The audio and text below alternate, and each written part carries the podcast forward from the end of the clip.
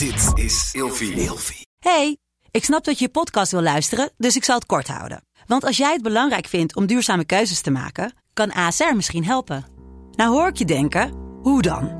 Nou, bijvoorbeeld bij het duurzaam herstellen van schade. Of de premies die we beleggen volgens ons duurzaam beleggingsbeleid. Dat bepaalt waar we wel en juist niet in investeren. Wil je meer weten over welke duurzame keuzes ASR maakt? Ga dan naar asr.nl slash duurzame keuzes. ASR doet het. Zo, dan kan je nu lekker naar je podcast luisteren.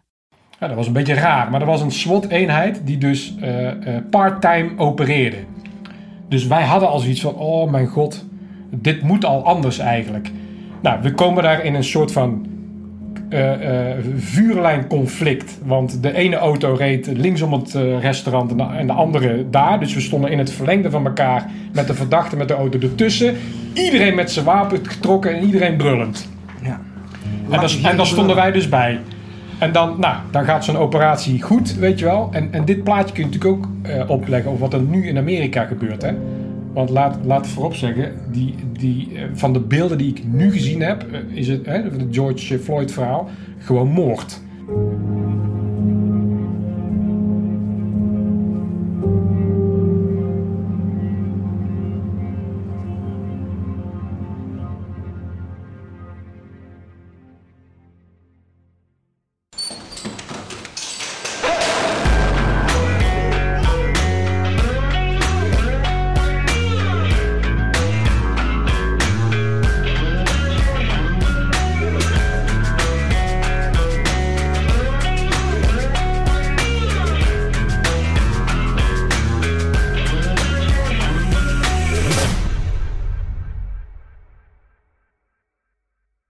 Welkom bij Scherpschutters. Goddomme volle bak vandaag.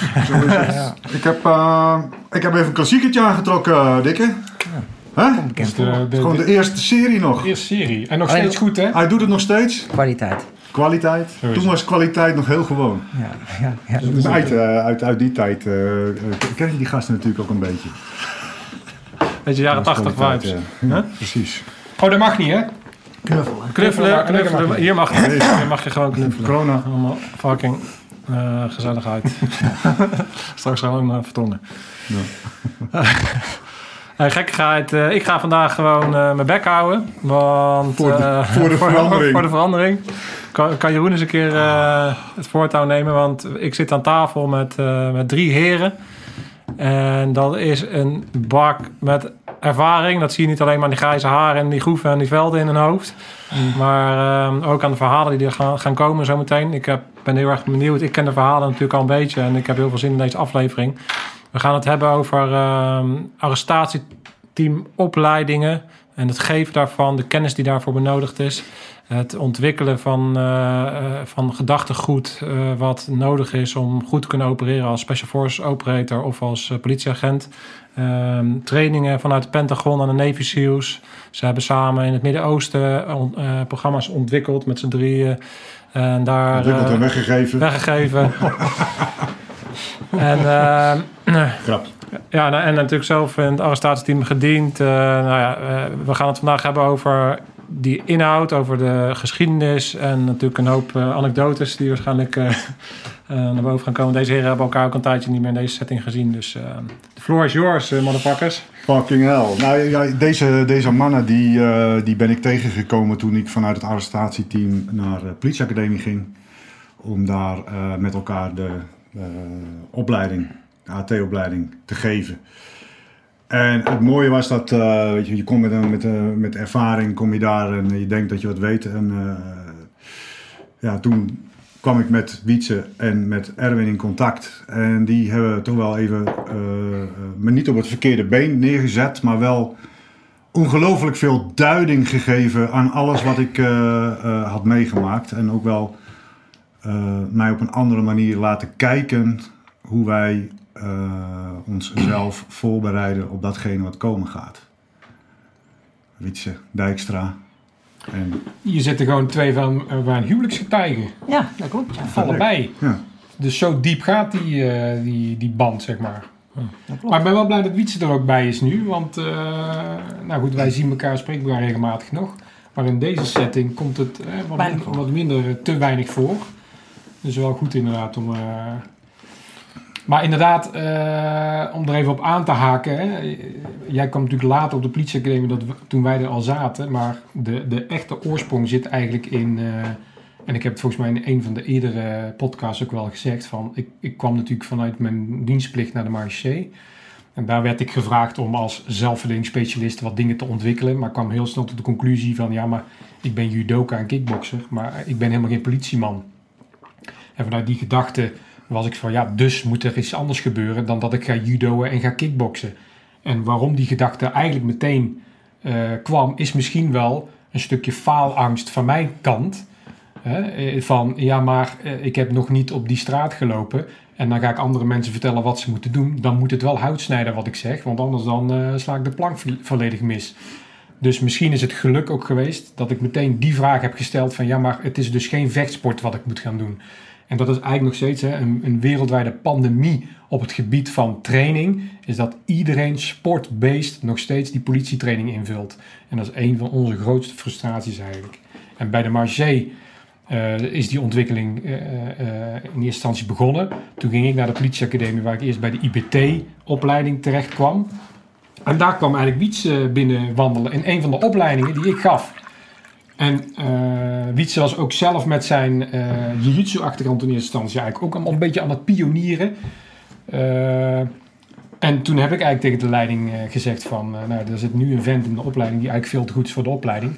Haal hem eruit en neem hem aan de politieacademie. En dat is een van de goede beslissingen die ze genomen hebben.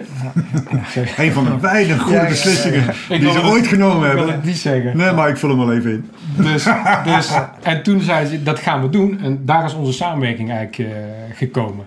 Ja, want eh, die kale bakkers van jou, eh, die kennen we inmiddels natuurlijk Ja. wel. En onze kijkers ook. Maar eh Wietse, wie de fuck ben jij? En, Wie ben jij eigenlijk? ja, Nou, dus daar, daar kunnen we even Nou een goed, de introductie die is er. Ja. Ja goed, het is wat Erwin zegt. We zijn, eh, en dan gaan we terug in de eerste jaren 2000, of misschien zelfs dan nog wel iets voor, naar rond 2000. Ja, nou goed, we komen elkaar tegen op de politieacademie. ik was toenmalig, eh, ik was aan het werk als IBT-docent eh, voor eh, de regio Brabant-Noord en Den Bosch.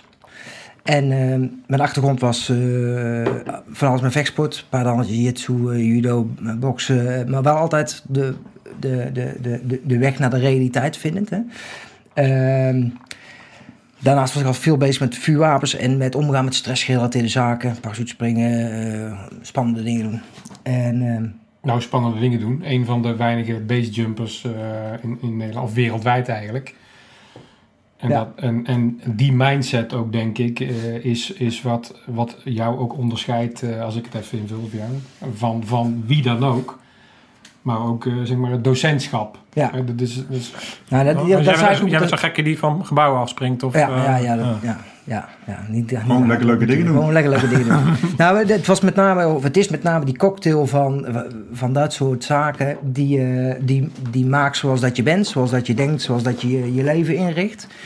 En daar hadden wij natuurlijk een hele grote match in.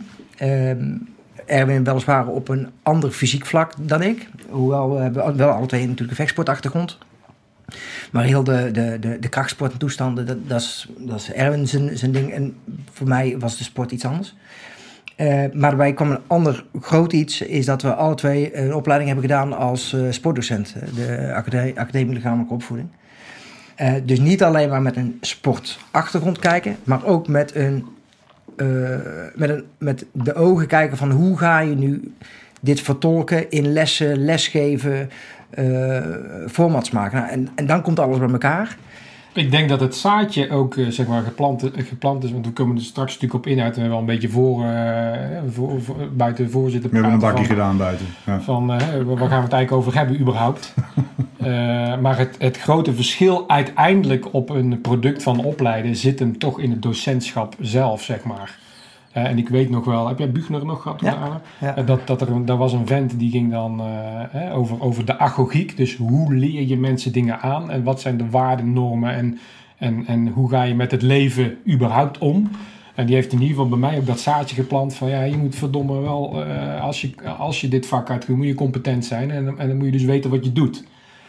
En die mindset hadden wij allebei eigenlijk vanuit dezelfde opleiding en dat matchte gewoon. Ja. En jij doet dingen die ik nooit zou doen. Want ze krijgen mij met geen paard en wagen van een gebouw af. Ja, aan, aan een tandem van, uit een vliegtuig een keer prima. En dan kots ik naar beneden. Dus ik kom wel beneden. Maar niet... eh, Daar zorgt de zwaartekracht wel voor. Ja, precies. ja, dat ja. Maar goed, dat is misschien nog een keer een andere uitzending om over daar eens over te lullen. Want Ja. dat is bizar voor mij. Maar goed. Maar eh, waar het, waar het met name over ging, hoe, zeg maar, hoe krijg je de- de spannende dingen, hè, de, de stress die, eh, noem maar stress of noem het maar, ja goed, een bepaalde mindset. Hoe krijg je dat, eh, hoe ga je ermee om in training? En we waren er al heel snel achter, los van elkaar, dat het sportgerelateerde, hè, de vechtsport en hoe bedreven dat je daar dan ook in bent en hoe een vechtsport hard dat je dan ook hebt, dat dat niet de, eh, de oplossing is voor, noem maar eventjes, politioneel geweld. Of ja, geweld in de meest brede zin van het woord. Of omgaan met, met spannende dingen. Ook, ook voor mensen, hè? gewoon voor, Voor iedereen. Voor, voor burgers die luisteren, die omgaan met agressie. En zeker in deze tijd, ook wat je nu allemaal voorbij ziet komen in Amerika en de spanningsvelden die er spelen. Van hoe ga ik nou om met terreur, met agressie, met mensen om me heen die geweld plegen of whatever. Dat, Ja, want voor de mensen die, die eh, de eerdere aflevering misschien nog niet gehoord Ja. hebben, misschien even kort toelichten, is dat eh, de principes waar we hier over praten en waar we het ook over gaan hebben, is wat gebeurt er bij iemand onder levensbedreigende eh, stress eigenlijk Ja. en hoe Ja. reageer je dan? Denk even helemaal platgeslagen. Ja, ik, ik, ik zou er zelfs nog breder zetten. Ik zeg, eh, eh, want je hebt het over levensbedreigende stress. Eh, dat kan feitelijk levensbedreigend zijn, maar het kan ook veel... Als ik naar een kleuter kijk, wat niet levensbedreigend is, die kan ook stress ervaren. Ik zeg altijd van, wat doet het lichaam en het geest van, van wie dan ook... zonder enige vorm van training in een spannende situatie? Ja. En of dat, dat nu, nu levensbedreigend is, ja of nee. Het kan ook levensbedreigend voelen, terwijl dat het geen fuck voorstelt. Ja. Ehm, Het is een beetje hetzelfde als eh, wanneer je, je je hoofd, als je porno kijkt, dan denkt je, je hoofd denkt dat je gewoon Ja. echt seks hebt, toch? ja, dat- ik heb, Dus het verschil, te, het verschil tussen wat jij ervan maakt en eh, of het echt is of het niet echt is, is, is er even, hier Ik kunnen, heb we het hier kunnen we het ook wel weer een uur over 3D, hebben. 3D-bril, ja. ja, ja. Nee, maar dat, eh, dat, is, dat is feitelijk wel zo. Ja, en, en we komen er straks op, maar je kan het dus, dat- die blauwdruk is geweldig om op het, eh, de hedendaagse problematiek te leggen. Maar op die politieacademie kwamen wij er dus achter, oké, we moeten dus iets anders gaan doen. Eh, ik was met een aantal dingen bezig. Toen kwam dat bij elkaar. En toen, eh, en laten we de credits ook maar gewoon geven. Toen zijn we onderzoek gaan doen. Waar moeten wij nu zijn om zeg maar eh, puzzelstukjes bij elkaar te gaan zoeken. Om echt een methode eh, te gaan ontwikkelen in opleiden. Hè, want eh, een methode zit natuurlijk wel gebonden aan een aantal regels. Hè, want iedereen noemt wel eh, van ja, ik, ik train een bepaald systeem of ik heb een methode. Maar er zitten, net als een, een gedegen onderzoek, zitten daar gewoon randvoorwaarden aan. Wanneer is er iets een methode of een goed systeem? En dat, daar zijn wij eigenlijk onderzoek naar gaan doen. En toen kwamen wij natuurlijk in Amerika uit bij eh, Tony Blauwer. Want die had eigenlijk, en dat noemen wij, en hij zelf ook, de missing link in trainen. Het feit wat er gebeurt in je hersenpan op het moment dat, zeg maar, eh, stress ervaren wordt. Hè, of met in wetenschappelijke taal een stimulus. Hè, ik gooi een beker naar je hoofd. Die komt te snel op je af. Wat gebeurt er dan fysiek en mentaal? Dat had hij eh, als onderzoek eh, zeg maar vastgesteld van dan gebeurt er dus dit. Vaste wetten. En om bijvoorbeeld te noemen, gevaar wat op je afkomt. De mens deint altijd weg van het gevaar. Die duikt weg van het gevaar als het in een hoek komt en die wil het gevaar wegduwen. Dus dat zijn hele simpele eh, eh, fysieke en mentale processen die gewoon wetenschappelijk vastgesteld zijn. Dat is wat er gebeurt als de stress te hoog wordt. En de, De flinch theory. Dat is de Ja. flinch-theorie. En dat had en eigenlijk... speer, hoe is het speer daaraan verbonden? Wat Nou, dat is eigenlijk de tactische conversie van het ambushmoment. van Tony Blauwe. van Tony Blauwer. Nou, dus ja. laten we even, even duiding geven hieraan. Hè. Dus het, het ambush moment triggert de flinch. ja, En die flinch is bij iedereen hetzelfde. Dus er gebeurt min iets. of meer. En, Maar eh, anders. En, en, en, en, wat eh, eh, Tony Blauwer heeft aangetoond, is dat dat bij, hè, bij iedereen gebeurt. Ja. Die is over na gaan denken en die heeft daar een systeem op ontwikkeld die Ja. aansluit op wat jij primair voor reactie hebt op stress, Precies. geweld, et cetera, et cetera. En Dus, toen- ju- dus jullie zijn toen samen naar de master eh, op dat moment zeg Ja. maar, vertrokken naar Amerika. Vertel daar eens wat over. Hoe Las ging dat? Vegas. Hoe ging dat? Eerste trip, we zijn, we In zijn welk jaar zitten we nu en waar, hoe ging dat? ook begin 2000. hè? 2001 of zo? Oh, nee, ja? Misschien iets later. Nee, 2002. Want Tony Blauw, als ik hem zie, komt hij een beetje jaren 80 over. Was hij toen ook al zo? Ja. Nou, kijk, eh, dat is natuurlijk een ander verhaal. maar Laten we het even hebben over het uiterlijk. Nee, maar jullie, we- jullie weten dat naar aanleiding van de eerste podcast heeft hij gewoon een boze mail gestuurd, ook naar jou, Mark. Ja. Maar ook naar mij. Ik heb hem gewoon eh, meteen eh, teruggekopt. eh. Die, maar ja, die ik ook heel netjes gewoon heb beantwoord. Waar ik dus nooit meer antwoord. Dat heb ik uit de doeken gedaan. Nou, dit is de geschiedenis tussen ons. Wij waren, wij waren in eerste instantie studenten van hem. We hebben alles gevolgd wat hij... we zijn, ik denk zou kunnen- naar Amerika geweest. Ja, minimaal. Ja. En, en, dat is- Vooropleiding. ja, en, en daar plakten we altijd een, eh, een, een, een stage, Stage. aan vast. Die we dan... eh, want we waren er toch. Ja. Dus we hebben daar gewoon 10, 12 maanden gezeten in Amerika. Eh, en daardoor zijn we ook vrienden geworden. Uiteindelijk zijn we onder zijn vlag ook gaan werken.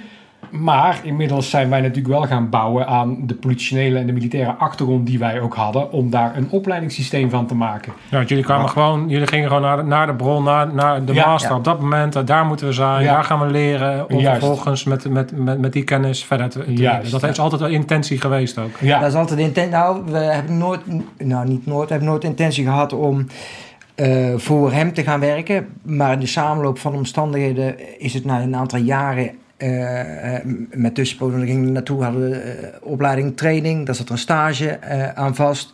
En die stage die deden we bij, eh, meestal bij SF, maar er kon eigenlijk van alles zijn. Ehm, dat is trouwens dus wel leuk, ja. De eerste keer was meteen... Vertel daar eens wat meer over, over die stages en wat voor een soort eenheden zijn je dan maar geweest. Voor jullie is dat... Nou, dat, dat deden we dus zelf. Hè? Dus eh, eh, Tony Blauwer had eh, een soort van weekopleidingen in modules. En we konden een aantal modules volgen. En we hebben van het begin af aan gezegd, dat is een, dat de principe, hoe, hoe lang zijn jouw modules? Een week, hoeveel heb je er? Een stuk of zes of zeven. Oké, dan gaan wij ze allemaal gewoon doorleven. Eh, en alleen, als je dan toch in Amerika bent voor, voor een week cursus, denk ik, nou weet je wat, wij gaan gewoon zelf onderzoek doen. In, en de eerste keer was in Las, Las Vegas, hè, van oké, daar is dan de cursus te doen. Wij, wij gingen gewoon mailen en, en contact zoeken met de lokale politie. En eh, het Zebra-team is daar te werk in Las Vegas als SF-force. En we gaan contacten leggen. Is het mogelijk om bij jullie aan te haken, om stage te lopen, in de keuken te kijken, mee te doen en training te volgen en te geven? Maar even voor de duidelijkheid, kijk, als, als iemand... Dus dat had niks met Tony Blauwe te maken. Nee, dat snap ik. Maar jij zegt SF Force. Kan je even duiding geven? Want als ik Special Forces zeg, dan zeg ik altijd... Weet je, je hebt, je hebt NL Marshall en je hebt de KCT. En dat zijn SF is eh, Special Reconnaissance, is Direct Action.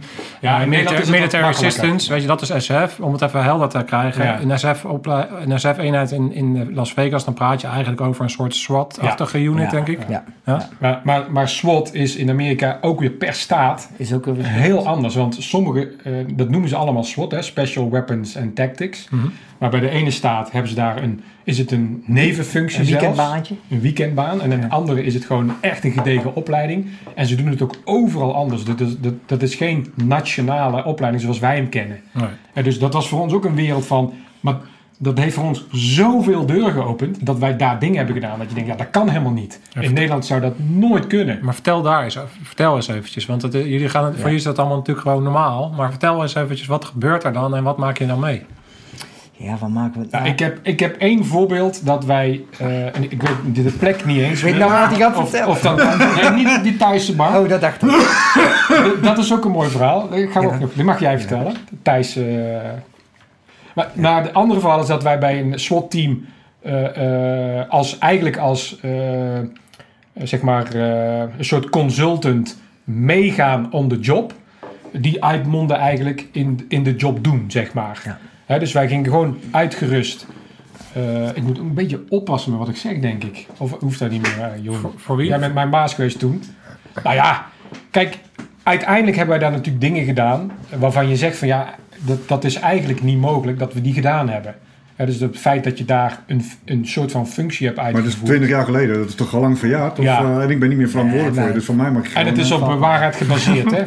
Altijd een vorm van. eh, Maar goed, wij zitten dus in die auto. En bij de eerste eh, eh, eh, eh, melding die ze kregen was een drugsdeal bij een eh, restaurant. En eh, ik herinner me nog dat ik achter in die auto zat, helemaal opgetuigd. En nou, in Nederland ga je als AT, als je helemaal aanrijdt, van eh, of je kleed je om op locatie, of je gaat gewoon naar de locatie, maar je gaat niet helemaal opgetuigd met je wapen eh, eh, ready in de auto, wachten op een rood stoplicht en dan naast een auto gaan staan en dan ruchten ze knikken van ja, ik sta hier voor een rood stoplicht. Dus ik zat achterin en ik kijk zo naar mijn buurman in die andere auto en die, die, die zegt ook van wat, wat, wat, wat doen jullie op het rode stoplicht? Dus dat was voor mij al van, ja, dat was een beetje raar, maar er was een SWAT-eenheid die dus eh, part-time opereerde. Dus wij hadden al zoiets van, oh mijn god, dit moet al anders eigenlijk. Nou, we komen daar in een soort van eh, vuurlijnconflict. Want de ene auto reed linksom het eh, restaurant en de, en de andere daar. Dus we stonden in het verlengde van elkaar met de verdachte met de auto ertussen. Iedereen met zijn wapen getrokken en iedereen brullend. Ja. En, en daar stonden wij dus bij. En dan, nou, dan gaat zo'n operatie goed, weet je wel. En, en dit plaatje kun je natuurlijk ook eh, opleggen over wat er nu in Amerika gebeurt. Hè? Want laat, laat voorop zeggen, die, die, eh, van de beelden die ik nu gezien heb, eh, is het, hè, het George Floyd verhaal, gewoon moord. Uit pure onkunde ook nog eens. En dan wil ik, racisme wil ik daar niet eens nu in mengen, want die discussie wil ik helemaal niet aangaan. Maar dat daar volledig gefaald is op competentie door een politieagent, is heel erg duidelijk voor mij. En dan denk ik dat ik ook wel voor Wietse mag praten. En jij zat ook in die auto's. Ja, Eh, die eerste ja. keer... want Ja, ik jij- stond aan de andere kant. En jij, ben- en jij, jij, jij bent wel wat gewend. Hè? Dus jij, jij, jij, zoekt, jij zoekt je grenzen op, je zoekt je adrenaline op. Je, Jij weet wat er in je lichaam gebeurt. Ja. Kan, je, kan je nog teruggaan naar dat moment en eh, terughalen hoe jij je toen voelde? Nou, eh, hetgeen wat je voelt is, eh, je, bent een, eh, je bent eigenlijk een vreemde in een, eh, in een eh, wat een team zou moeten zijn. Ehm, en hetgene wat je dan gebeurt is, je schakelt heel snel. Hè, oh, het is eigenlijk een oh shit moment. Oh shit. en dan kun je twee dingen doen. Of je, je, eh, je, je doet niks, om het zo maar te zeggen. Je laat het gebeuren. Eh, maar op zo'n moment komt dan toch eh, eigenlijk je ware, noem maar even je ware aard boven. Is dat je, ook al ben je geen lid van dat team. En ik zeg niet dat dat het juiste is, meteen het juiste is om te doen. maar je ziet dat dingen mis gaan lopen, dus ga je zaken overnemen. Je zou eigenlijk alleen maar meegaan. Eh, Observeren. Ja, en als zijnde observeren en als laatste man. En vervolgens sta je point. En eh, vervolgens gaat dat dan goed. Je geeft sturing aan een team wat je eigenlijk niet kent. En dan zie je dat je terugvalt op hetgene wat je, wat je eigenlijk eh traint, geleerd hebt en probeert door te geven. En laat, Want de, de, de tweede actie met hetzelfde team. Ik weet nog wel dat de, de safe house was een brandweerkazerne. En toen stonden wij de club te sturen voor de tweede job die Ja. eraan kwam. Ja. Dus Ja, ja, want concreet, wat, wat, wat gingen, dan, gingen jullie dan doen? Gingen jullie eh, aangeven van oké, de vuurlijnen zijn niet goed, Ja. eh, positie verbeteren, Ja, dat zo. soort zaken? Ja, misschien moet je wel dit of misschien moet je wel dat proberen. Ja. Maar ik moet zeggen, en dat is dan in Amerika weer heel anders dan in Nederland. Dus als jij met expertise komt brengen, Ja. zij zijn zo leergierig ze daar. nemen het aan. En in Nederland is dat eigenlijk wel heel anders. In Nederland is het wel de mentaliteit, ik, hè, ik heb een opleiding gehad, ik weet het allemaal wel. Terwijl daar eh, wordt de rode loper wel echt voor ervaring en, eh, en, en competentie zeg maar uitgevoerd. Heb je dat bij, want, want nu praat je dus over een club wat eigenlijk een beetje weekend warriors waren. Ja. Eh, Die zijn er later ook waarschijnlijk bij een Ja. geweest die gewoon fulltime voor. Ja. Zat daar verschil tussen? Ja. Dat, is het heel, dat kun je niet vergelijken. Nee. Ja, maar, maar ook qua, dat, qua die instelling. Nou, was de, was de, stonden, ja. stonden ze daar net zo Ja. open? Ja. En wat, je, wat je toen de tijd heel duidelijk zag, is zeg maar het, eh, het, het gebruik van, eh, van vuurwapen. En niet, niet zozeer het, het gebruik van vuurwapen, maar het, eh, eh, de kennis, het type ge- gebruik van wapens lag daar heel hoog. Ja, Eh, alleen als het gaat over het tactische en wat als de stront nu echt aan de knikker komt, eh, dan weer helemaal niet. Nee. Ja, dus hetgene wat er, het is een bulk van geweld en eh, zwarte Darth Vaders die binnenkomt. En dat is eigenlijk ook de, de overrompeling. Ja, ja. Eh, dat, is ook, dat is al een tactiek op kijk zich. dat Amerikaanse cowboy-principe toch nog steeds wel ook, hè? Maar waarom, waarom gaat het, ging het vaak goed? Gaat het vaak goed? Is ook gewoon een beetje geluk. Ja. En, eh, en zodat dat je zie, eh, of mensen laat zien dat dat geluk ook wel eens een keer een andere kant kan hebben, namelijk ongeluk. en wat de gevolgen daarvan zijn, dan, dan wil men daar wel luisteren. Dus Eh, noem het maar, ja, ik weet niet of dat arrogantie het juiste woord is, of ego, of ik weet het, ik weet het wel, ik heb een opleiding gehad. Zie je daar eh, tussen, eh, tussen Amerika en Nederland toen de tijd, eh zag ik daar wel een heel groot verschil. Ja, en, en, en die Amerikanen hebben Er gebeurde daar wel, veel meer. Zeker, zeker zeg maar die internationale teams, die zijn natuurlijk qua niveau wel echt ook goed, hè?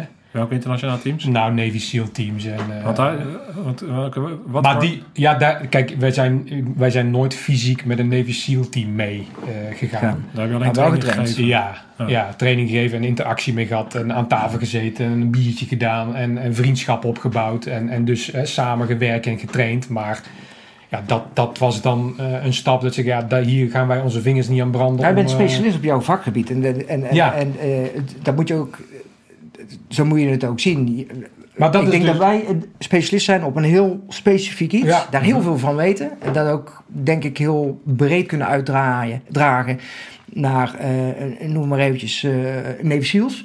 Maar het zou net zo goed op een eh kleuter, op een, op een kleuterschool kunnen zijn. Dus, het, waar het over gaat is, nogmaals, wat gebeurt er in lichaam en geest voor enige vorm van training? En wat kan ik daarmee in een voor mij stressvolle situatie? En dat die stressvolle situatie voor een Navy SEAL anders is dan voor een, eh, Kleuterjuf. voor een kleuterjuf, Ja. dat is duidelijk. Alleen de beleving daarvan, kan eh, Die is dezelfde Die kan- kan of dezelfde- dezelfde ja.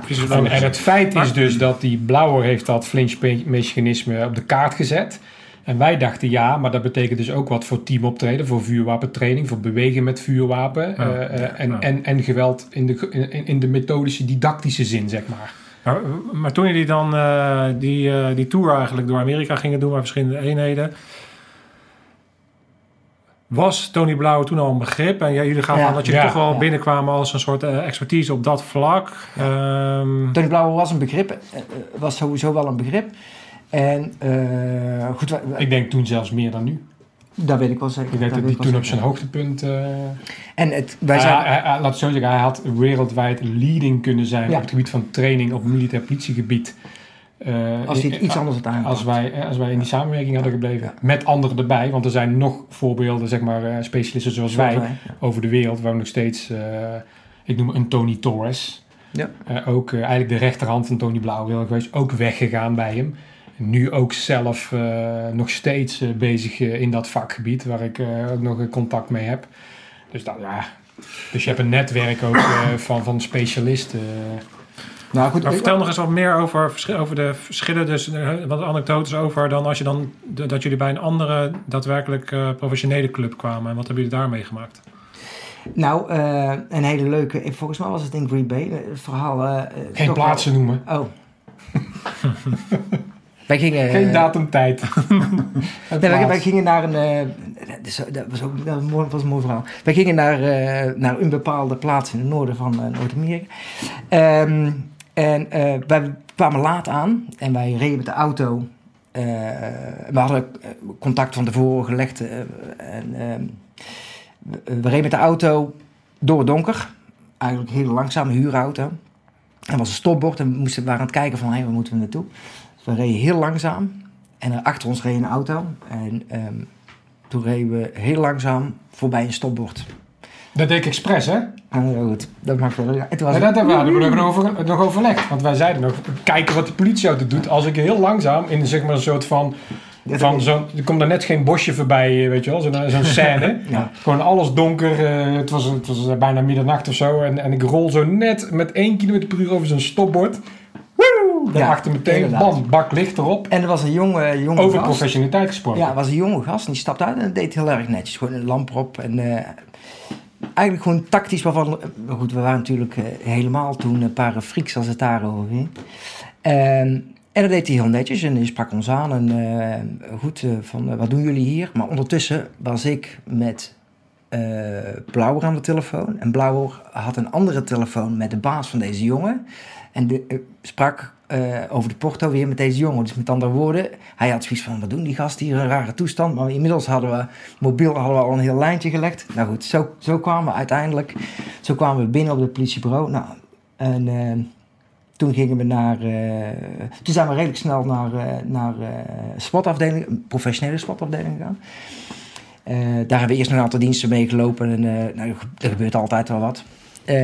Eh, maar goed, daar hebben we een, een, een, een, een, gewoon een gesprek gehad van hey, wat gaan we doen en vervolgens een aantal zaken eh, of een aantal eh, instappen mee voorbereid. Ehm, daar heb ik, ik weet niet hoe lang gezeten, ik denk een maand, anderhalve maand. En op een gegeven moment gaandeweg, ehm ja, we, gingen, we gaan uit eten in een Thais restaurant. Ja, ik, ik was toen pas Dat was een paar nog een thai-boxing. ja. Maar wij komen dus in een Thais restaurant. En eh, wij gaan zitten. En eh dat was ook gerund door een Thaise bevolking, zeg maar. En die nodigde ons, lang verhaal kort. Er zijn ook foto's van die ik niet wil... eh, die heeft mijn vrouw thuis wel gezien, die foto's. Dus wij mogen ze ook zien. Nou, ja, ja, je hebt het al lang gezien. Nee, nee, nee. Maar, eh, dus wij werden uitgenodigd voor een feestje.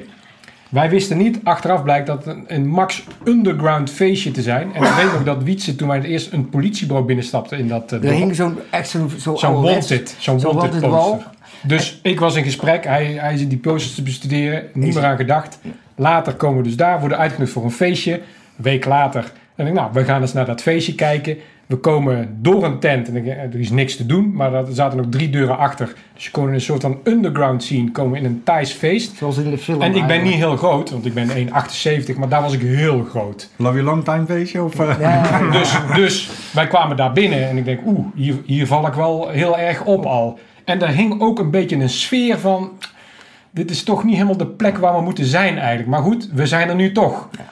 Eh, bijvoorbeeld ook een tip trouwens. Als je naar de, dus ik ging naar de wc ook. Ik zeg, nou, wij, wij geen oogcontact verliezen. Op het moment dat je naar de wc gaat, dan eh, houden we ook nog eh, verbindingen open. Want ik denk dat er 500, 600 man eh, binnen stond. Oh, nu komt zeker uit, jij hebt dat uh, playverhaal volgens mij al een keer eerder verteld. Ja, dus een lang verhaal kort. Eh, ik sta in de wc en ik denk ik moet niet met een rug naar de deur gaan staan, want er, daar hing gewoon een vijandelijke sfeer. Omdat wij gewoon buitenlanders waren natuurlijk. Eh, dus ik ging al dwars op de wc-pot staan, zodat ik zie, nou, ik zie die deur in ieder geval. Dus als hij beweegt, dan, eh, dan kan ik ook nog wat doen. Eh, en op een gegeven moment kom ik uit die wc.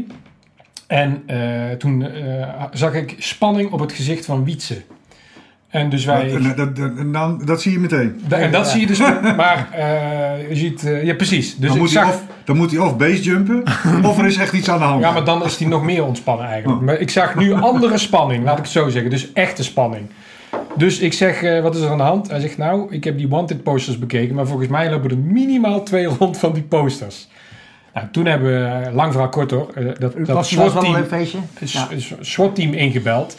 En die hebben toen een raid gedaan. eh, op het moment dat wij daar nog waren ook. En dat was wel helemaal prof- top professioneel. Ja. Dus dat, ja, dat was Want jullie hebben die lui eigenlijk ingebeld van oké jongens, hier moet Ja, een stap komen. nu hier ja, want Ja. eh, we hebben Ja. nu wanted mensen op die posters gezien en het is beter dat je nu komt. En nou, die stonden er binnen, binnen nou, een half uur of zo. Waren zij daar en eh, ja, dat was echt het schoolvoorbeeld van. eh, En toen werden jullie ook goed eh Toen gezien, aangepakt. Nee, nee, nee, we zijn ook aangepakt en Ja. aangehouden. en ja, zo. dat was ook het plan hè, via de telefoon. Ja. Want wij zouden wij gewoon luisterend naar de grond geboeid afvoeren. Want wij wilden niet we- dat wij daar als een soort van eh, hè, tipgever eh, binnen. Misschien hadden ze het wel in de gaten gehad. En tijdens de debrief eh, werd er toen nog afgevraagd hoe jullie in de tent terecht waren gekomen. Ja, het was of, eh, eigenlijk, heel simpel. Ons, eh, want we wilden nooit vertellen wat we eigenlijk, eh, wat we eigenlijk daar deden. Eh, maar Erwin was toen de tijd eh, nog veel aan het boksen. En eh, ik ben natuurlijk een stuk kleinere manneke. Eh, dus het verhaal was altijd dat Erwin eh, een bokser was. Eh, hij had ook partijen geknokt, uh, boksen, thai-boksen. En dat ik zijn manager was. En dat was ook het, eh, in dat Thais restaurant. Dat was een van onze doctrines als wij naar het buitenland gingen, op whatever waar we doen waren. En in Vegas ook gedaan. En het mooie is, elke keer als we contact maakten met burgers, moest het ook een ander verhaal zijn, bij wijze van. Hè, Toen fijne trainer had je al dus gehad. non-politioneel. Ja, ja, dus, ja. Maar ook om te trainen dat van oké, je komt ergens, je wordt geconfronteerd met en dan moet er een verhaal komen. En dan moet Degene ik die als eerste aangesproken wordt, die start dat verhaal en de ander moet in dat verhaal mee. Dus vaak was het, ik was een professioneel vechter en hij was de manager. Maar het ik is ben ook, ben ook eens een keer prins ja, ja, geweest. in Las Ja. Vegas is hij ook een keer een prins geweest Ja. van Nederland. En ik was zijn bodyguard bijvoorbeeld. En, en, en bij eh, Blondies, eh, het café, hebben wij ook wel eens... eh, die zaten in de, die reality-serie van MTV vroeger. Ja, klopt. The Real Life of the... Hoe heette die? Nou goed, het was een reality-serie. En wij zitten een paar keer. En we werden dus gefilmd. Dus die, eh, bij Blondies, of Hoeders. Blondies of Blondies. Blondies. Die zegt, ja, we, we nemen een serie op. En we moeten vragen of je geen moeder... of je wel in beeld wil. Nou, nou, geen probleem. Maar... dus was er ook weer een verhaal. Dat wij casting deden. Voor, eh, voor modellen, zeg maar. dus we hebben elke keer een ander verhaal weer verzonnen om... eh, maar dat moet ik zeggen, dat is een van de dingen die wel, eh, zeg maar, non-politioneel je verhaal klaar hebben als je Skills, ja. dat, dat is gewoon. Dus alles wat je doet, moet je blijven doen. Hè? Want eh, zeggen wel van ja, ik ben SF geschoold, maar ik weet zeker dat als ik nu in de kou ga liggen, heb ik het gewoon weer fucking koud en dan voel ik me gewoon weer een baby. Snap je waarom? Omdat je nu in wilde eh, lekker in je donsdekjes slaapt. Dus je moet dingen gewoon blijven doen om ze er ook te blijven kunnen. En wat is met springen niet anders, denk ik. Hè? Ja, als jij niet meer springt, Je moet kunnen Dat- zijn met alles. je hebt bepaalde basiskills die altijd blijven. Ja. Zoals eh, fietsen, maar je hebt ook een aantal skills die moet je blijven doen om eraan eh, in die conditionering te blijven. Ja. Ja, met name je mentale conditionering. Ja, Ja, maar ja, ja, maar allebei natuurlijk. Je mentale conditionering. Ja. Eh, Het niveau waar ik op zat nadat ik uit de, de BB-opleiding kwam, kon ik. schieten. Ja, als, als ik nu een schietbaan opga en die ijzer moet afleggen, ben ik levensgevaarlijk. ja, Dan eh, gaat die dubbeltap net eventjes Ja. eh, ergens anders, zeg maar. ja. Dit- Dus, Maar alleen al de realisatie daarvan. Als je realiseert dat, dat, dat het zo is zoals dat het is. eh, dat brengt je eigenlijk al meteen op 1-0 voorsprong. Want er zijn heel veel mensen. Eh, en dat zien we. Nou goed, je ziet in sporttraining, maar zie je het ook, ook bij politie, defensie. eh, die leven hun leven zoals dat ze. Of die denken dat ze hetzelfde kunnen of weten. eh, Zoals dat ze dat 10 jaar of 15 jaar geleden hebben gedaan. We hebben het dan over van wat ben je nu en wat is je potentie? Of wat was je en, en wat zou er mogelijk zijn? Dat, is, dat is ook een van de grootst gemaakte fouten van vandaag de dag. Van noem het maar eh, eh, training in de meest brede zin des woords. Van wat ik in het verleden heb bereikt, eh, dat, dat, dat dat jouw eh, identiteit wordt voor de rest van je leven. Dat is, dat is, heel, dat is, dat is heel raar. Maar dat zien we, zien we heel veel. En met name bij politie- en defensiemedewerkers. We gaan daar eens wat, wat, wat, Ja, wat verder op door, want dat vind ik interessant. Eh, wa- Wat bedoel je? Wat, wat je waar zou je het over willen hebben? Nee, ik vind het interessant om, omdat je daarmee. ehm, eh, eh, en, en- één, je, je, je zegt best wel wat. En twee, wat zijn daar dan de consequenties van? Wat gebeurt er dan? En niet zozeer met een individu, maar gewoon over, over, een, een- over de hele organisatie breed. Ja, Dan kijk, eh, het is eigenlijk heel simpel. De, de resultaten behaald in het verleden geven geen garantie voor de toekomst. En op het moment als dat jij kunt zeggen van... hé, hey, ik weet niet hoe dingen... Kijk eens wat er nu allemaal gebeurt met heel het corona gebeuren. Eh, ik weet niet hoe dat dingen gaan lopen. En eh, ik, kan, ik wil me, en dat is met name een heel belangrijk... ik wil me daar op trainen, in de meest brede zin van het woord. Hè. Dat kan, kan een fysieke dreiging zijn, dat kan een levensbedreigende situatie zijn... maar kan nu ook voor in het bedrijfsleven zijn toch terug naar die kleuterjuf. Dat kan ook voor die kleuterjuf zijn. Als jij vanuit jouw totale zijn, jouzelf zijn, ervoor wil gaan om te trainen en daar ook dingen voor wil geven en dingen voor wil laten, hè, dat gebeurt niet zomaar. Ehm, dan ben je per definitie al een, eh, heb je per definitie al een sterkere mindset, omdat het in jou zit. Is En er- en er zijn heel veel mensen die, eh, die vinden dat alles maar vanzelf moet gaan. En ik, ik wil wel, eh, ik wil wel een, eh, een, een, een goed fysiek, maar ik wil er eigenlijk niks voor doen. Ja, dus lijkt- dus die, die, die hangen meer. Dus zodra ze bijvoorbeeld een pak aan kunnen trekken, beret op kunnen zetten, Dan is het, dan is het opzetten, dan, dan, dan zijn ze dat. Ja, Maar dan, zijn, maar dan dat is eh, allemaal uiterlijk vertoning, Ja. maar ze zijn het niet daadwerkelijk. ja. Want als je het daadwerkelijk bent, dan is jouw mindset dat je altijd, op het moment dat de shit hits the fan, dat je zo goed bent voorbereid, dat je nooit hebt kunnen terugkijken dat je dingen hebt gelaten. Ik denk dat dat ons voordeel is geweest dat, al, dat wij zeg maar altijd boven de clubs hingen en nooit in de club stonden. Want ik denk dat het ook niet, want het is niet zozeer wijze van, hè, dat is een probleem, maar meer ook wijze van dat dat een heel natuurlijk proces is. En ook bewezen wetenschappelijk natuurlijk, dat ervaring bouwt zich op totdat je een, een hele grote overlevingskans hebt onder eh, maximale dreiging. Totdat je te veel ervaring krijgt, dan word je weer een liability eigenlijk. Dan heb je weer minder overlevingskans. En dat is dus ook de tijd om eh, terug te stappen bijvoorbeeld. Of om er even uit te stappen. Of om weer scherp te worden om alsnog weer terug te gaan. Dus, dus dat, maar ik denk dat het menselijk is dat je eh, dat op een gegeven moment eh, dat er een kantelpunt komt.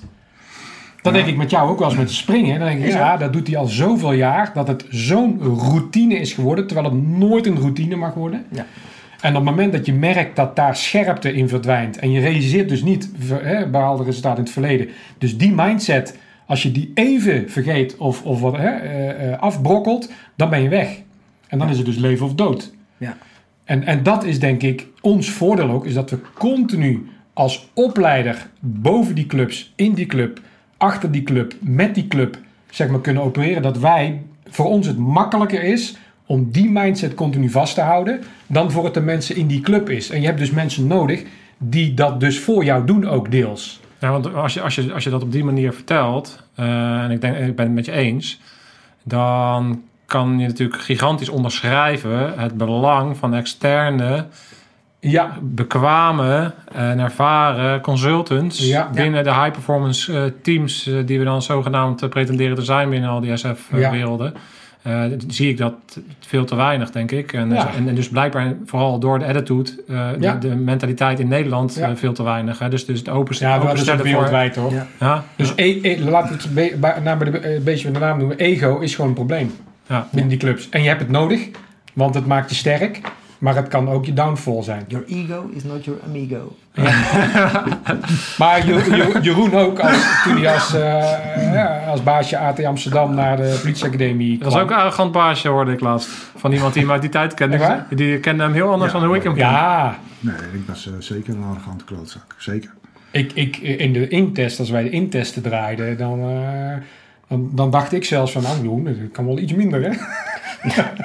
Blaffen naar die mensen. Ja, dat is een drill instructor, eh, daar ben ik niks bij.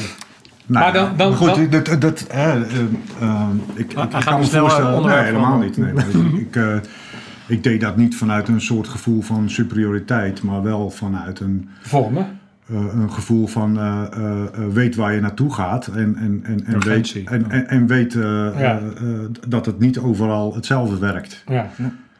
En, ehm, eh, maar een arrogante klootzak, eh, ik kan me heel goed voorstellen dat mensen dat eh, van me vonden. Absoluut. ja, maar dat was voor mij ook. Daar liep ik ook tegen. En ik moet, zeggen, ik moet zeggen, als ik nu 20 jaar terugkijk, eh, heb ik volgens mij een andere podcast, had ik een keer een, in een presentatie een camouflagebroek aan. En wat- te strak shirt. Dat was toen in. En eh, ik koop nog steeds asjes. Ja. Maar eh, nee, maar, maar dat is, was helemaal verkeerd eh, overgekomen. Terwijl ik daar niet eens bij nagedacht heb. Dus nu denk ik wel eh, wat meer na over hoe ik... eh, van oké, ik moet dus een beetje rekening houden met... En dat is ook wel een beetje de tijd van nu. Hè? Ik bedoel, Nou ja, ik, ik, ik, ik, ik, denk dat je daar voor jezelf ook een bepaalde ontwikkeling in, in doormaakt. Ehm, eh, als ik even terug mag komen op wat Wietse zegt van... hè, dat op een gegeven moment mensen vinden dat ze iets bereikt hebben... en dat het daar op de een of andere manier stopt. Eh, ik denk dat je intrinsiek altijd nieuwsgierig moet zijn naar beter. Ook als je in zo'n high-performance team zit. Een high-performance team is in mijn optiek high-performance wanneer de individuen van een team altijd nieuwsgierig zijn Ja. naar wat beter kan. Dat is, dat is een mindset. En wat beter is, dat, we, de- hè, dat die mensen binnen zo'n eenheid zich daar, eh, of elkaar daar ook op, op durven Ja. en kunnen aanspreken. Dat je het durft en kan ontvangen en het ook echt vanuit je eigen verantwoordelijkheid iets mee En doet. we hadden het er buiten ook over, maar zeg maar het hele onderwijsprincipe wat wij ontwikkeld hebben, is eigenlijk Ja, dat weet dat ik. dat het belangrijkste is. Maar dus jij- het gaat jij- niet maar- zozeer ja, maar om... je- nou stel je weer mijn bruggetje. Oh, sorry. Nee, maakt niet uit. Eh, want hè, waarom werd ik eh, een arrogante klootzak gevonden? Omdat ik eh, vond dat ik een bepaalde grens moest, moest trekken. Mhm. Waar mensen echt overheen moesten klimmen. Om uiteindelijk toegelaten te worden tot het systeem waar ik deel van uitmaakte. Ja. En ik ben nu oud, ouder en wijzer. En, en, en je ontmoet dan ook andere mensen. Eh, en als ik dan naar mezelf kijk toen ik jullie ontmoette, was dat voor mij zeg maar de, het, het grootste kwartje wat viel van fucking hell. En we hebben het hè, ook al genoemd. Dit is wel de missing link in training. Ja, dus ja. als je niet nieuwsgierig eh, blijft naar hoe het beter kan, viel voor mij toen eigenlijk alles een beetje op, op, eh, op op de plek van... oké, nu begrijp ik waarom bepaalde dingen deden zoals we ze deden. Maar ik begrijp nu ook waarom bepaalde dingen echt anders moeten... zoals we ze eh, eh, nu nog doen. En die, en die club eh, sta- stond daar ook wel open voor. Maar dat was ook credits, want wij hadden toen de tijd natuurlijk helemaal geen SF-ervaring. Want welke club? Want even een sprong. Ah, we hebben nu al hem eventjes weer in de tijd te Ja, zetten. Jullie zijn in Amerika geweest. Hebben dus allemaal stage gelopen? Nou, we gingen op en neer. op en neer. En, Dus- dus, jullie vanuit- kennen elkaar, want jullie gingen op en neer naar de AT-opleiding en daar is dit ding. Ja, dus, dus vanuit die eerst IBT, hè, docenten opleiden. Later ben ik door het AT gevraagd in eerste instantie van... kun jij jouw eh, eh, eh, competentie niet bij ons gaan, gaan brengen? Mhm. Daar is Wietse later ook weer bij aangehaakt. En toen gingen we op en neer van informatie halen, omzetten in onderwijs... en vervolgens binnen de AT-opleiding en andere vuurwapenopleidingen... en speciale onder- opleidingen brengen, zeg maar. Weet je wat ik me trouwens net bedenk? Is die anekdote van die nachtclub, die, die ken ik. Maar, maar die ken ik uit de tijd dat ik bij de BB zat. Dat meen je niet. Ja, dat, dat, dat verhaal ging wel rond. Oh, Ja. ja, nou, ik, ik, ja. Lekker geheim gehouden. Ja. Nou ja, maar een ander mooi verhaal is het Jordanië-verhaal. En daar, ben, ik- daar heb ik heel lang heb ik daar niks over geroepen. Maar en wij, wij, wij- dat was onder Amerikaanse vlag, maar daar hadden wij contacten. Dan gingen we demo's geven aan, aan eenheden, speciale eenheden, om zeg maar training en consulting aan te bieden. Dat, dat- nu, eh, Midden-Oosten heb je nu. Midden-Oosten, Ja, ja. Dus we weer, van eh, Amerika richting Midden-Oosten. Ja. Wat, wat eigenlijk de lijn was, want eh, ik heb het idee dat je probeert de tijd te leiden. Eh, politieacademie, politieacademie, AT-opleiding, IBT-opleiding, AT-opleiding. Eh, vervolgens, wij zaten veel eh, in, eh, in Amerika, daarna ook Midden-Oosten. En toen hebben we op een gegeven moment de knoop doorgehakt. Eh, wij gestopt bij de politie. En wij, toen zijn we voor Blauwer gaan werken. En voor Blauwer hebben we heel veel programma's ontwikkeld. Die hebben En contracten binnengehaald. contract binnen. En eh, die waren met name in Amerika. En dan eh, deden we instapjes mee en, en, en dat soort zaken. En eh, dat deden we later is Amerika is wat minder geworden. En toen zijn we meer in het Midden-Oosten gaan werken. En voor- daar Voor Blauwer. Voor Voor Blauw. Blauw. En daarna hebben we gezegd, we- toen, eh, eh, toen zijn we dat voor onszelf gaan doen. Ja, En eh, Ook eigenlijk in, ook in het Midden-Oosten of in Nederland? in het Midden-Oosten. nee, alle, Alle dat, twee, dat is het gekke. met name Midden-Oosten. In Nederland wilde eigenlijk niemand iets van ons weten. Wilden ze wel, maar het was allemaal een beetje eng en eh koudwatervrees. Namelijk hetgeen wat wij verkondigden. Dus En waar zit, waar zit het eng dan? Zijn, Nee. zijn ze dan bang dat... Wat? Nou, goed, eh, iedere verandering doet stof oppaaien. En eh, het, het verhaal wat we brengen, hè, nog steeds, waar we eigenlijk al meer dan twintig jaar blijven doorontwikkelen en, en, en, en, eh, en verkondigen, is, is fundamenteel. In het fundament is het anders dan hetgene wat heden ten dagen nog steeds bij de politie en heel veel bij Defensie eh, gedaan wordt aan training. En op het moment als dat je dat moet omgooien, eh, ja, wat ik al iedere verandering doet stof oppaaien, alles is anders. En dan heb je eigenlijk al meteen bam je eerste f- flinch, hè, van oh shit. En op het moment als dat ik kan laten zien van hey, eh, letterlijk en figuurlijk kan laten zien datgene wat je nu doet is, eh, en dat durf ik zo hard te stellen, is echt fout. Daar, daar maak je mensen dood mee. Dat- En dat is jouw het werkt schuld. averechts, heb ik vorige keer met Ja. de videoanalyses ook verteld. Hè? Ja, ja. Het, het heeft een negatief effect. Dus training heeft een negatief effect. Volgens, ja, en, als je dan, eh, eh, en, je, en ik zet het vaak heel eh, hard weg, hè, dat, ik- dat ik zeg van, hé hey, luister, je hebt, nu de keu- je hebt nu de keuze om te kiezen voor, eh, voor shitzooi, hetgeen wat je al, al die jaren doet, of je hebt nu de keuze om alles om te gooien en een andere weg in te slaan. En waarvan ik je nu al meteen, wat, wat eh, door de VU hier in Amsterdam ook is onderzocht, hè, en eh, artikelen over geschreven en eh, als wetenschap is bestempeld. En dat mensen toch de keuze maken, dat is een hele vreemde, daar kan ik ze straks nog wel een keer op terugkomen, om toch te blijven bij het oude. Ja. Dat, dat, dat is een, maar dat hangt dus aan de mindset waar Jeroen het net over had. Ja. Dus het, het, de angst voor verandering. Hoe, hoe is, die, is, is die systematiek van het... eh, Kijk, ik moet dan meteen denken aan, aan een lichaam. Hè. Je, je slechte gewoontes zijn heel moeilijk te doorbreken. Dus dan moet je bepaalde processen in je lichaam eh, doorbreken eigenlijk om dat te doen. Maar dat kan je ook trekken naar organisaties. Daar zit eigenlijk ook een soort van dingen zitten zo vastgesleten. ja. Dat, dat soort veranderingen eigenlijk, eh, ja, die moeten dan vanuit een bepaalde top komen. En daar moet dan doorgevoerd gaan worden. En, eh, dat is een heel lastig je proces. hebt, je hebt, je hebt het, eh, want mensen die, eh, die zien vaak de organisatie. Eh, en wij zeggen altijd, het is een drie-eenheid. Hè? De, organisatie, dat, dat, is, dat is mooie schelden tegen de organisatie. En, eh, die doen, ja. Maar de organisatie is niks. De mens. Ja. Ja. Het, gaat, het gaat als eerste instantie, eh, de eerste strijd die je moet leveren is met jezelf. Wat wil ik, wat kan ik? Hè? En hoe steek ik daar voor mezelf? In de tweede strijd is de strijd met de ander, het overtuigen, dan wel de fysieke strijd, in de meest brede zin van het woord. En de derde is met de organisatie. En we starten vaak bij het eind, maar we moeten bij het eerste starten.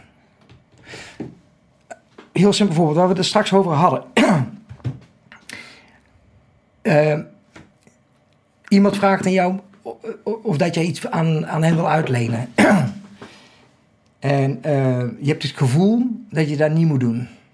Eh, to- Toen straks deden, ze hadden we het over de, de mindset Ja. van hoe gaat het dan, hoe gaat het in je hersenen en, en waarom weet ik nu al het antwoord op de vraag, eigenlijk twee vragen verder. Maar hoe komt het nu dat als jij het gevoel hebt dat je dit niet moet doen, dat je het potverdikke dan toch doet? Want bijna de volgende vraag daarnaast zou zijn van, hey, heb je dat dan wel uitgeleend of niet uitgeleend? dat mensen zeggen, ja, ik heb het wel uitgeleend. Eigenlijk al met het gevoel, de wetenschap is er nog niet, maar wel met het gevoel of ik krijg het niet terug of ik krijg het kapot terug. En dat is de strijd die je met jezelf niet durft aan te gaan. Dus dat, dat je je laat leiden door de situatie. Ja. We hebben het over de, de, de strijd met jezelf. Hè? Ja. Je- voelt, dat is niet goed. En je, je, alles in je lijf zegt, hey, dat moet ik niet doen. Eh, en toch maken mensen de keuze om het wel te doen. Dan zeggen wij van, hey, dat is het moment, noem het maar eventjes een onderdeel van de Universal Frin- Fringe eh, theorie, is dat je zegt van, dat is, is, is een situatie levensbedreigend op dat moment? Is er een moment dat je kunt zeggen, oké, flinch, convert en denk heel snel voorwaarts en acteer voorwaarts? Kun je een keuze maken om het niet te doen? Antwoord is ja, maar mensen doen het niet. En waarom? Omdat ze aardig gevonden willen worden of omdat eh, de mainstream zo gaat of dit en dat. Of omdat het weerstand in het algemeen oproept, wat je ook in de maatschappij nu ziet. Hè? Ja. Niks mag meer moeite kosten, altijd maar de veiligheid kiezen. Ja, gaat die weerstand uit de weg. Ja, Ja. En ik denk dat, eh, dat heel veel mensen niet meer in staat zijn, omdat je zoveel geprikkeld wordt en zoveel in je hoofd zit, dat mensen niet meer eens meer in staat zijn om dat onderbuikgevoel Filteren. eh, Ja. te herkennen en daar überhaupt op te handelen. Zeg maar. Ja. Dus, dus dat, dat speelt denk ik ook nog En ik denk als je die competentie te pakken krijgt, dat je je dus kan onderscheiden van de rest. Hey, dat goed, is dus- aan te leren ook. We hebben, dus- dus uiteindelijk ehm, eh, hebben jullie eh, eh, vanuit je ALO-achtergrond in Amerika een soort missing link in training gevonden. Mhm. En die missing link in training in een eh, didactisch model gegoten. Om die op verschillende manieren eh, eh, in te zetten. Of dat nu Ja. eh, geweldsgerelateerd is of op een andere manier. En daar komen we misschien straks ook nog even terug. Maar geweld is gewoon leuk. Dus eh, nee, daar- Geweld is een schone zaak. dat is een, schoon, een schone zaak. Ja. Hey, en, en, en wat dan interessant is, is, is dat dit systeem in feite begint bij de mens. Ja. Nou, wat, ik, wat, wat ik wil doen, kijk, we hebben nu eh, de afgelopen uur hebben we met elkaar hier gezeten. Ik denk dat er hier een partij ervaring aan tafel zit, dan mag je enige namen hebben. Dus als, de kijkers nu aan het kijken zijn en denken, godverdomme, ik zou graag willen weten eh, wat dat dan daadwerkelijk inhoudt. Dus wat is dat systeem dan, wat voor principes hangen we daaraan en, en, en hoe werkt dat en hoe hebben jullie dat in, eh, in de werkelijkheid gezien? En wat is er dan daadwerkelijk fout met hoe we de dingen nu doen? Als je daarnaar benieuwd bent, dan volg je de link eh, onderaan de beschrijving. Die gaat naar ons Yumi-kanaal. Ehm, en dan kan je deel 2 eh, daar eh, bekijken. Dus bedankt voor, voor nu. Dit is het einde van de, van de aflevering. Bedankt voor, voor jullie. Wij gaan even een bak koffie doen en dan gaan we deel 2 eh, opnemen. Gaan we doen. Nou ja, scherpschutters, tot straks. Uit. Uit.